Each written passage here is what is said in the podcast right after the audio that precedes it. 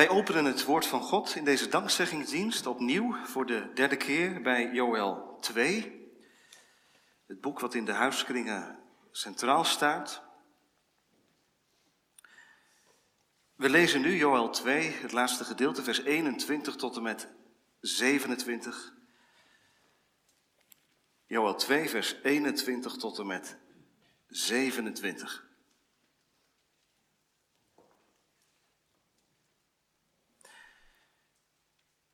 Daar horen wij het woord van God.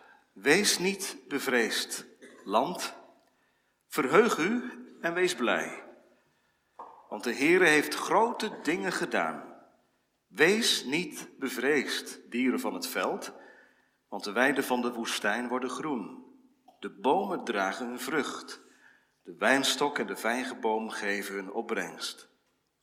En u, kinderen van Sion, verheug u en wees blij in de Heere, uw God.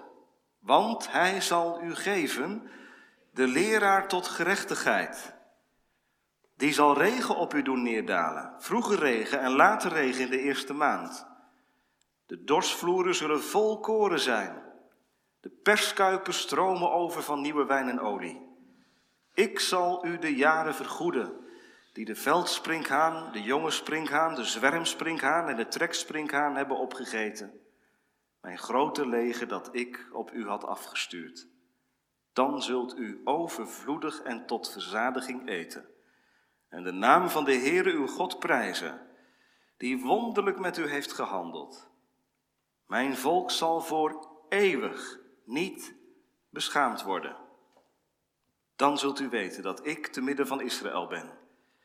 Dat ik de Heere uw God ben en niemand anders. Mijn volk zal voor eeuwig niet beschaamd worden. Tot zover. Opmerkelijk hè, adventsprofetie van Joël. Het elfde vers uit dezelfde psalm mag ons amen zijn straks naar de verkondiging, psalm 72, vers 11. Verheug u en wees blij. Dat is het thema van de preek, de oproep die twee keer in Joël 2 klinkt. Verheug u en wees blij. Het land wordt daartoe opgeroepen en de kinderen van Sion. Om twee redenen. Vanwege Gods daden, wat hij gedaan heeft, de grote dingen waar vers 21 over spreekt. En ook vanwege zijn toekomst, want deze profetie van Joël is heel open naar de toekomst toe. Er zit nog potentie in voor wat komen gaat. Verheug u en wees blij vanwege Gods daden, vanwege zijn toekomst. Gemeente, dit is het slot van hoofdstuk 2. U zult zeggen, ja, vers 28 komt ook nog. Maar in de Hebreeuwse grondtekst wordt dat vaak bij uh, hoofdstuk 3 genomen. Is dat het derde hoofdstuk van Joel? Dus dit is eigenlijk het, tweede hoofdstuk, wat afrondt met een geweldige um, belofte. Een geweldige profetie van heil en vreugde. En daarom klinkt het ook, wees niet bevreesd. Er is geen reden tot treuren vanmiddag. Er is reden tot vreugde en vrolijkheid. Tot twee keer toe staat er. Ja, dat is ook niet zo vreemd natuurlijk. Want als je zo'n sprinkhanenplaag over je land hebt zien gaan en je inkomsten zijn weg. En dan komt dat geweldige, die omkeer, dat God zijn volk niet overgeeft aan smaad. Dat hij zijn volk spaart, zoals we vanmorgen hoorden. Dat hij het opneemt voor zijn land, vers 18. Ja, dat kun je toch haast niet geloven? De schrik zit nog in hun lijf. En daarom klinkt het, wees niet bevreesd. Het is net je moeder, kinderen, die s'nachts even bij je komt. Je bent bang, een nare droom gehad. En je roept om je moeder, mama, kom nou toch, want ik ben zo bang. En dan komt je moeder en wat zegt ze dan? Zegt ze dan tegen je, nou, wees blij. Wees eens een beetje vrolijk. Nee, dan gaat ze op de, rand van, op de rand van je bed zitten en dan zegt ze eerst tegen je: Je hoeft niet bang te zijn. Ik ben er. En misschien dat ze naderhand dan ook nog wel zegt: Nou, ben je nou ook weer een beetje blij? Kun je nou een beetje lachen? Ga dan maar weer slapen. Wees niet bevreesd. Dat is dat tegemoetkomende van God. Dat overstelpende, die genade van God is te groot voor ons. Dat is overweldigend. Avondmaal is overweldigend. Die gunstbewijzen van de Heer zijn zo groot, je krijgt ze niet in de vingers. Je krijgt een stukje brood en een stukje wijn, dat kun je in de handpalm houden. Maar als het gaat om het heil wat daarmee uitgetekend wordt, dat is te groot voor je hoofd, te groot voor je hart. Wees niet bevreesd. Verheug u en wees blij. Nou, wij zijn gewend hè, dat dat gezegd wordt tegen mensen. Maar u leest in vers 21 dat het gezegd wordt allereerst tegen het land. En in vers 22 tegen de dieren van het veld. Dat is apart. De schepping wordt aangesproken. Dat vinden we moeilijk om te, te begrijpen. Dat is ook echt wel oud-testamentisch. Hè? Denk aan de psalmen, de bomen die worden opgeroepen om in de handen te klappen voor de heren, de bergen die gaan springen enzovoort. Hier ook. Land, verheug je. Wees blij. Dieren van het veld, niet bang zijn. Want de weiden van de woestijn worden groen, de bomen dragen hun vrucht, de wijnstok en de vijgenboom geven hun opbrengst. Het lijkt op de psalm die we vanmorgen zongen, psalm 85. Als God in genade naar zijn volk omziet, dan heeft dat ook gevolgen voor het land, voor de schepping. Wij hebben dat wat uit elkaar gehaald. Hè? Genade, geestelijk leven, ja, dat is iets van de binnenkant van ons leven. De schepping is ontzield. Maar Joel 2 corrigeert ons vanmiddag, en dat is heel nodig voor christenen. De schepping is van God. De schepping is niet ontzield, de schepping is bezield. De schepping is notabene Gods eigen project, net als wij. En weet u gemeente, en dan neem ik alvast een hele grote sprong, maar straks zal de schepping weer helemaal meedoen. Hè? De schepping doet helemaal mee in de lof op de Here. Nu zucht ze nog als in barensnood, zegt Paulus. Ze kreunt als een barende vrouw. En je ziet het soms aan beesten. De dood, die trekt ook zijn sporen in de schepping. En wij maken er met z'n allen natuurlijk ook een geweldige rommel van. Die schepping buiten we uit. En het is goed hè, dat er vandaag de dag aandacht gevraagd wordt voor het klimaat hoef je echt geen groene evangelie voor te gaan breken. Maar het is wel heel nodig dat wij christenen, ook wij refo's, dat, dat bedenken. Dat wij met elkaar dat klimaat en die klimaatcrisis ook, dat we onderdeel zijn van het probleem. Nou, die schepping, zegt Joel 2, die gaat straks weer helemaal meedoen. De schepping gaat niet naar de kelder, de schepping gaat weer bloeien. En de nieuwe aarde, gemeente, wat denkt u? Die zal niet bestaan uit zielen, schimmige geesten, maar die zal bestaan uit mensen. Van vlees en bloed, een schepping die kleurt en geurt. God geeft er. God staat er zelf voor in en geeft zijn belofte hier al in Joel 2. Goed, even terug. Joel.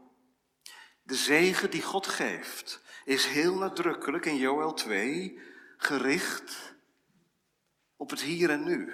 Ook dat is typisch oud-testamentisch. De zegen heeft een, een aardse dimensie. De weiden van de woestijn worden, worden groen, lees ik, en de bomen dragen hun vrucht. En de wijnstok en de vijgenboom geven weer hun opbrengst. Toch laat je wel eens meer zien. De zegen van de Heer is niet alleen aards. De aarde doet wel mee. Maar als hij dan in vers 23 de kinderen van Sion aanspreekt, dan ziet u dat zij om een andere reden blij mogen zijn. God zorgt voor de schepping, maar hij zal de kinderen van Sion iets geven. Ja, dat zal geweldig zijn. Kijk eens mee. Vers 23. En ik vond het opmerkelijk, want ik heb het niet uitgezocht. Hè. De huiskringen zijn bezig met Joël en we zitten nu op de tweede adventszondag. En kijk, dit is advent. Ziet u het? Hij zal u geven, kinderen van Sion, de leraar tot gerechtigheid. De leraar tot gerechtigheid. Nou, dat is een apart, uh, apart woord wat daar staat. Het woordje leraar wordt in sommige vertalingen ook vertaald met regen. Het woord wat we iets verderop in vers 23 vinden. En dat mag je verder vergeten hoor, maar het woordje more, het Hebreeuwse woordje more, dat kan zowel regen als leraar betekenen. Nou, de herziende statenvertaling, ook de statenvertaling, hebben gekozen voor het woord leraar. En u ziet met een hoofdletter. Dit is dus een messiaanse belofte, zo gezegd. Dit gaat over de komende Christus. Hij zal u geven. De leraar tot gerechtigheid. En hij zal zijn als een regen, lees ik verder. Die zal regen op u doen neerdalen. Vroege regen, late regen in de eerste maand. De dorsvloeren zullen volkoren zijn. De perskuipen stromen over van nieuwe wijn en olie. Wat gebeurt hier, gemeente? Geestelijke zegen en aardse zegen grijpen in elkaar. Ze lopen in elkaar over. De leraar tot gerechtigheid, de komende Messias, is als de regen op het land. Die zal zorgen voor vrucht en voor groei en voor bloei. In de oud-testamentische taal van Joël gaat het hier om vernieuwing, verfrissing, na die sprinkhanenplaag, na die kaalslag. Geeft God zijn belofte. En hij zegt, verheug u en wees blij. Al moet het koren nog gaan groeien, al moet de wijnstok nog zijn opbrengst geven, Verheug u en wees blij. Nou, wij leven niet in de tijd van Joël. Wij leven duizenden jaren later. Wij leven na de komst van Christus. Wij leven na de vervulling van deze belofte. Maar gemeente, deze belofte, die grote daden van de Heer, die hebben ook nog iets in zich wat de toekomst betreft. En het avondmaal, Laat ons dat heel helder zien. Bij het avondmaal moeten we niet alleen terugdenken aan wat geweest is. Die nadruk ligt heel sterk, ook in het avondmaalsformulier.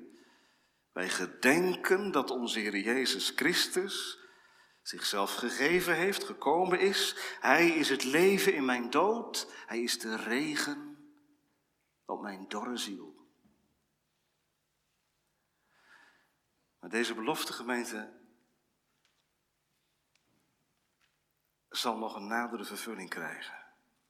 Het is niet zo dat dit stuk uit het woord van God inmiddels vervuld is en dat we zeggen, ja, dat, dat lezen we en dat is uh, interessant uh, om te weten hoe dat, hoe dat toen uh, naar het volk toe kwam.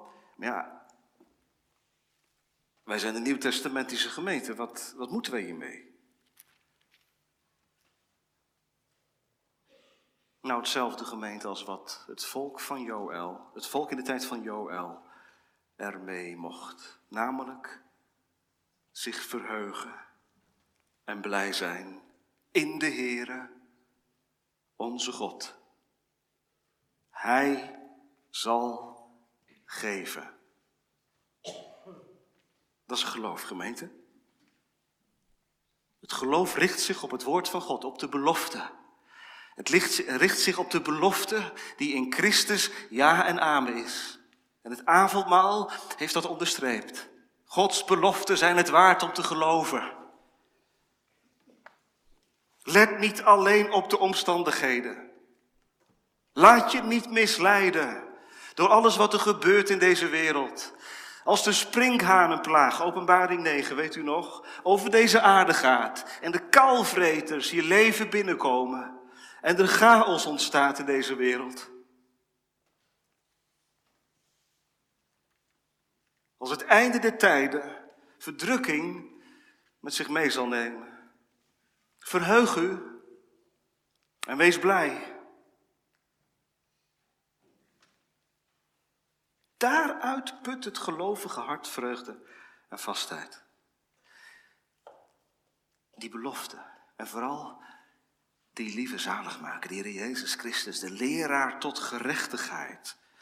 Kanttekeningen van de Statenvertaling zeggen hierbij dat hij zo genoemd wordt omdat hij uitwendig leert door het woord van het evangelie en inwendig door zijn geest. Uitwendig door het woord, inwendig door zijn geest. Dus uitwendig, dat betekent de woorden van God die naar mij toekomen, die ik lees. Daar leert, daar onderwijst hij mij mee. En die krijgen ook een, een inwendige uitwerking als, als de Heilige Geest, die belofte, die mijn leven in vervulling brengt.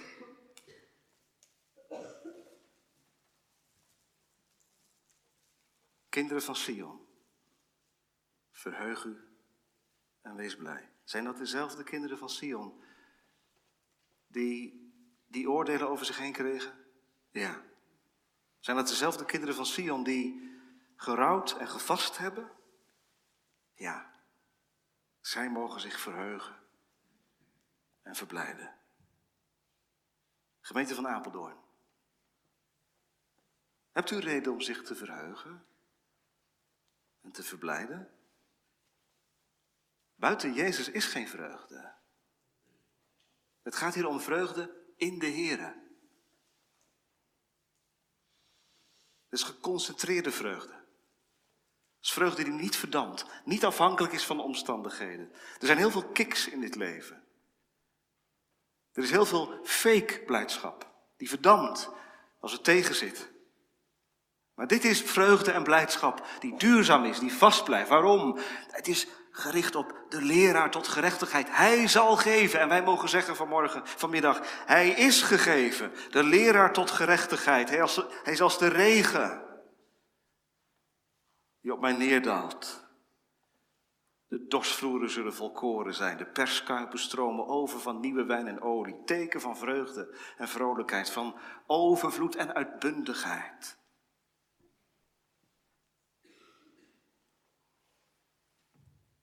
Als God bezig is, gemeente, loopt het altijd uit op blijdschap. Als God in je leven werkt, gaat het altijd toe naar de blijdschap. Want God is de God van overvloedige blijdschap. Zelfs in je verdriet. Als je lichaam niet meer wil. Als je oud bent. Als je rouwt. Echt hoor dat is pas blijdschap. Moet je nagaan. Je hebt duizend redenen om verdrietig te zijn. Maar dit is de reden om je te verheugen. Hij is mijn leraar tot gerechtigheid, die ene, het geschenk van Gods alvermogen. Hij die nodigde en die mij aan tafel verwelkomde. Gods daden brengen mijn hart in vervoering. Daar mag het op uitlopen. Avondmaal. En dan nog iets. Want als Joël deze woorden uitspreekt, en Gods daden in herinnering roept. Dat hij de jaren zal vergoeden, vers 25. Die de veldsprinkhaan, de jonge sprinkhaan, de zwermsprinkhaan, de trekspringhaan hebben opgegeten. Dan komt er nog iets bij. En dat zit eigenlijk verstrengeld met de belofte onze tweede gedachte, vanwege zijn toekomst. Er is nog een reden om verheugd te zijn en blij te zijn. Het gaat toe naar zijn toekomst, gemeente. Avondmaal, ik zei het al, is niet alleen achterom zien, het is ook vooruitblikken. En we hebben net gebeden, ik weet niet of het u opviel bij het dankgebed. Getrouwe God en Vader, maak de gedachtenis aan Jezus Christus vruchtbaar in mijn leven. We hebben dus gebeden dat wat we aan het avondmaal oefenden, namelijk denken, gedenken, in herinnering roepen, ons voor ogen stellen. Dat Hij aan het kruis voor mijn zonde heeft betaald. Dat dat vruchtbaar wordt in mijn leven. Hoe, hoe denkt u dat dat gebeurt? Heeft u daar een gedachte bij? Hoe wordt nou de gedachtenis, hoe wordt nou dit avondmaal vruchtbaar in je leven? We hebben er nog eens bijgebeden. Geef dat we dagelijks groeien in het ware geloof en de zalige gemeenschap met Christus. Dat betekent dus dat we van avondmaalsviering naar avondmaalsviering bidden dat er groei mag komen, ontwikkeling, voortgang.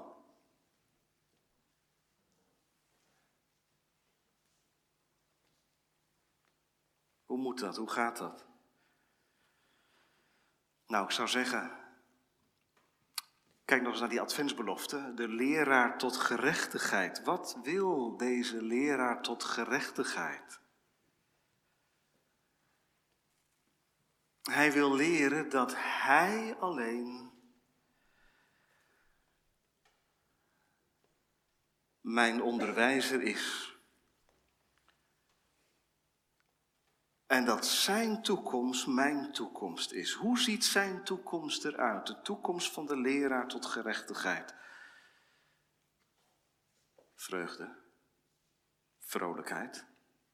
De zoon van God is van de hemel naar de aarde gekomen. Hij is dood geweest, opgestaan, ten hemel gevaren. Hij, zit nou in de, hij is nou bij de Vader in zijn heerlijkheid.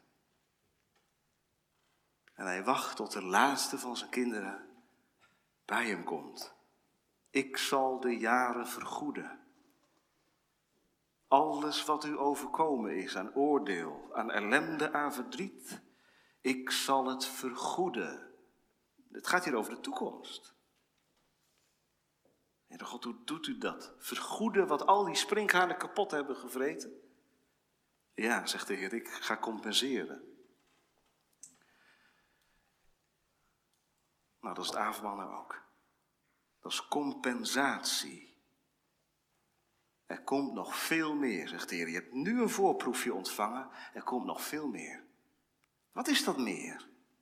Je zult straks overvloedig en tot verzadiging eten. Vers 26. Als die beloften helemaal in vervulling zullen zijn gegaan. Als ik terug ben gekomen, dan zult u overvloedig en tot verzadiging eten. En de naam van de Heere uw God prijzen die wonderlijk met u heeft gehandeld.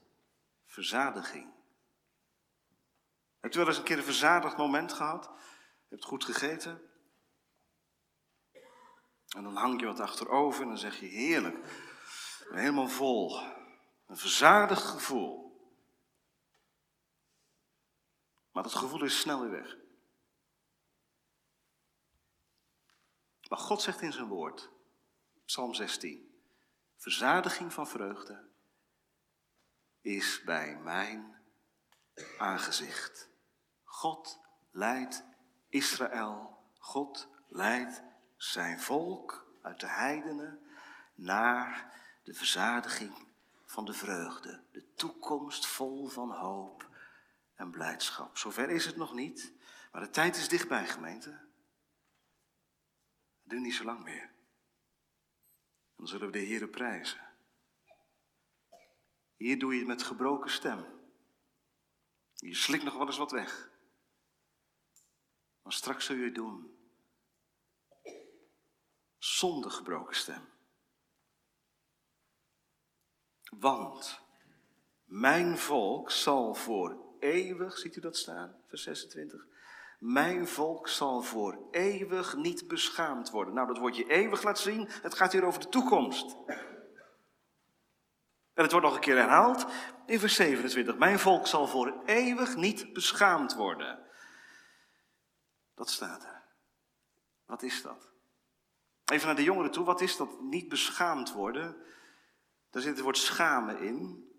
Je hebt wel eens van die momenten, misschien herken je ze, dat je je schaamt voor jezelf. Dat je denkt, oh, waar is het luikje? Iedereen kijkt naar mij. Ik sta met een mond vol tanden. Kon ik maar weg. Je staat voor schut. Beschaamd staan. Ik kan wel door de grond zakken, zeg je dan. Gemeente, jonge mensen, dat is de toekomst voor ieder die zonder Christus leeft. Dat is de vloek. Hier worden de kinderen van Sion aangesproken. En zij mogen weten, zij zullen voor eeuwig niet beschaamd worden. Niet beschaamd. Maar wat betekent het om wel beschaamd te worden dan? Als je Christus niet kent. Dan zul je wel beschaamd worden. Dan zul je door de grond willen zakken en er is geen grond. Dan zul je roepen, bergen val op ons en heuvelen bedek ons. Gemeente, er zijn mensen die veel en hard gelachen hebben in hun leven. Die voor het oog ontzettend vrolijk zijn geweest. Maar hun lachen zal vergaan. Eeuwige droefheid zal op hun gezicht zijn. Een getekend gezicht van droefheid en verdriet. Dat is de vloek. Dan sta je er buiten. Dan geldt vers 26 en vers 27 niet. Voor jou. Er zijn ook mensen die veel gehuild hebben. En geleden hebben. Maar God zal hun tranen drogen.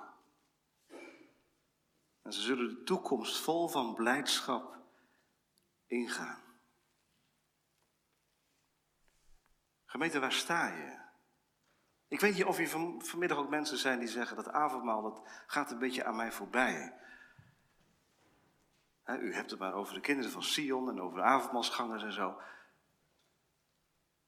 Maar eigenlijk dat avondmaal, dat, zegt me eigenlijk helemaal niks. Nou, dat is nog niet het gevaarlijkste, maar wie is de Jezus Christus voor je? Dat is wel de vraag waar het over gaat. Als het nou zo is, gemeente. Dat je moet zeggen, ja, die toekomst waar het hier over gaat, dat ik voor eeuwig niet beschaamd zal worden, ik weet niet of dat ook voor mij geldt. Weet je, dan is er maar één, één remedie, één middel vanmiddag. Dat is dat je naar Christus toevlucht. En dan mag ik tegen je zeggen, alle die Hem verwachten, die zullen niet beschaamd worden.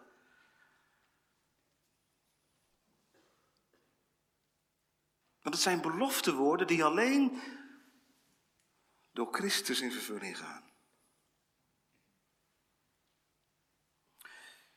Vorige week las ik een bericht in de krant. Nederland is niet goed voorbereid op een ramp.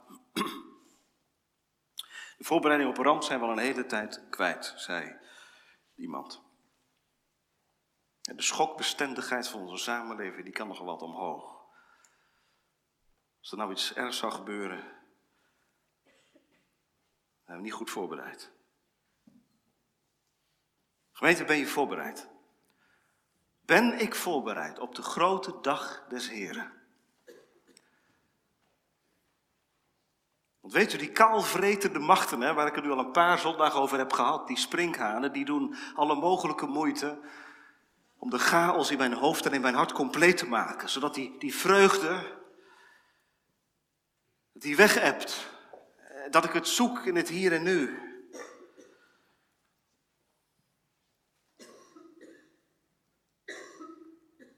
Ben je voorbereid?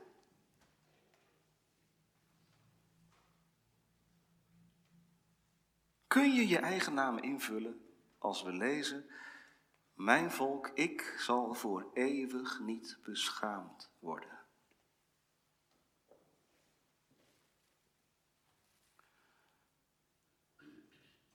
Ik kijk nadrukkelijk ook even naar onze jongeren vanmiddag.